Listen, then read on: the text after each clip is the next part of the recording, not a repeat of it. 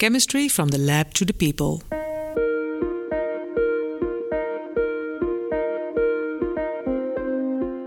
Hello, dear listeners.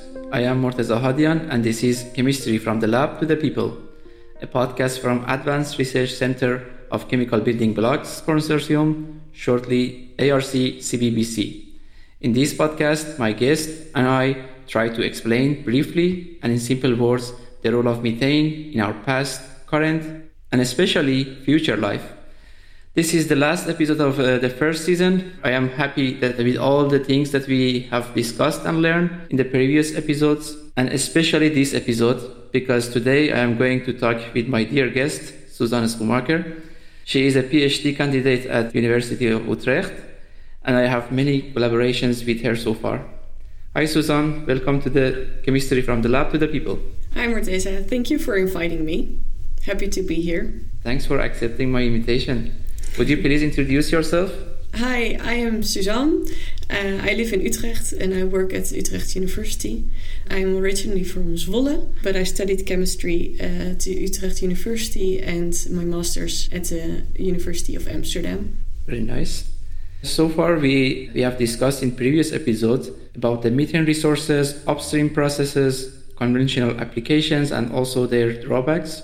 And then in the last two episodes, I talked with two other researchers uh, from ARC-CBBC about their own projects and uh, what we called smarter ways of using methane. Today, we are going to talk about our favorite project in methane in ARC-CBBC. Isn't it right? For sure. Yeah. Yes. okay, uh, so as my first question, I usually ask, uh, what problem are you aiming to solve within this project? So, the idea that we are both working on actually is to convert methane into hydrogen. And this is accompanied with the production of very valuable carbon products. So, it's a very attractive way to make hydrogen, which is like the fuel of the future, without the emission of other greenhouse gases like CO2, because many of the current production routes also involve the emission of CO2 and uh, we only make carbon products which are solid and we can use that as well. Maybe you can elaborate more on the idea or the plan behind this project. How do you want to solve this issue? Yeah so like i described just now it's a way to have two valuable products coming from one greenhouse gas these carbon products have very special properties, very light, very strong, so can be used in numerous applications. Yeah, we're trying to solve the greenhouse emission of methane and produce pure hydrogen. Mm-hmm. And I see a link between this project and the project of Sebastian. He is trying to convert methane to hydrogen and aromatics. Yeah.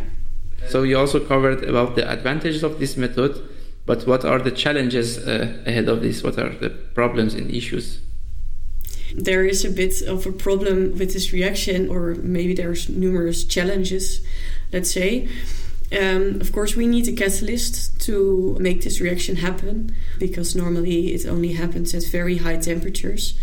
And with the use of a catalyst, we can lower this activation energy and thereby perform this reaction at a lower temperature.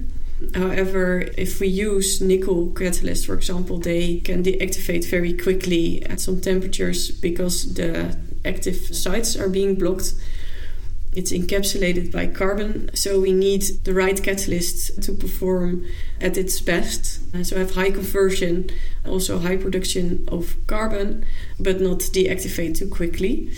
And then there's the production of the carbon involves a very volume expansion, very large volume expansion, and this is quite a challenge at bigger scale because if you perform this re- uh, reaction in a reactor at industry, you want to make sure that the reactor doesn't crack or break because of the volume expansion. So that's also something that in our project, Morteza, you are also working on to to see if we can learn how this happens and prevent breakage of reactors.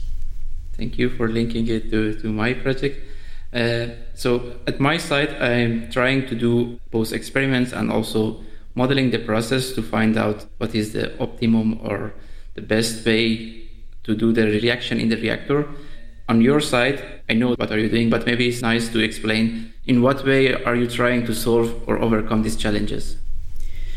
So, uh, what I'm currently focusing on is to investigate which parameters have an influence on the lifetime of the catalyst.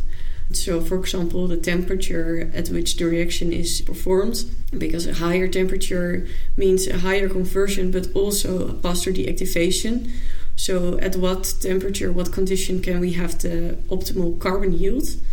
And also, I am trying to investigate how the carbon production goes, so how the carbon structures are growing.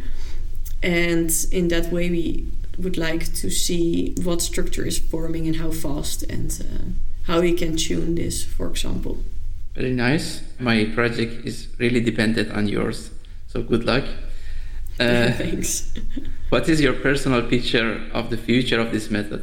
As my last question.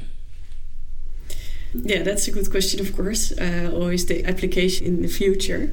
So I think it's really nice that we are already collaborating at two different scales. So I am working mostly at the lab scale, zoomed in on the fundamentals of the reaction, and that you are already trying to scale it up and uh, model the reaction, how it might be done in, in industry. And I think it's also very nice that we are being sponsored by some companies that have the idea also to use this at their plants. So, in that way, I am rather optimistic about the way that we are now combining forces and speeding up a process from the lab to the industry. But I do think that it requires a lot of further investigation on what parameters, what uh, what catalysts, what support. Um, there's a lot of things that we have to look into to find the optimal catalyst and optimal conditions. But I do think that we are quite far in how we can implement it in the future. I hope this answers your question a bit. Yeah, that's actually very nice. That also bring the meaning of the name of chemistry from the lab to the people. You kind of covered that, so I'm happy with that.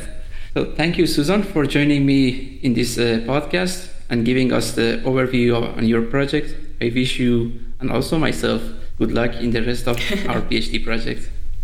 Thank you for having me, and uh, you good luck as well. This was the last episode of the first season of Chemistry from the Lab to the People. I hope that you, like me, have learned something about the necessity, the complexity of doing research toward a more sustainable future. Personally, I really enjoyed and uh, learned a lot from the people, from our guests uh, within this podcast.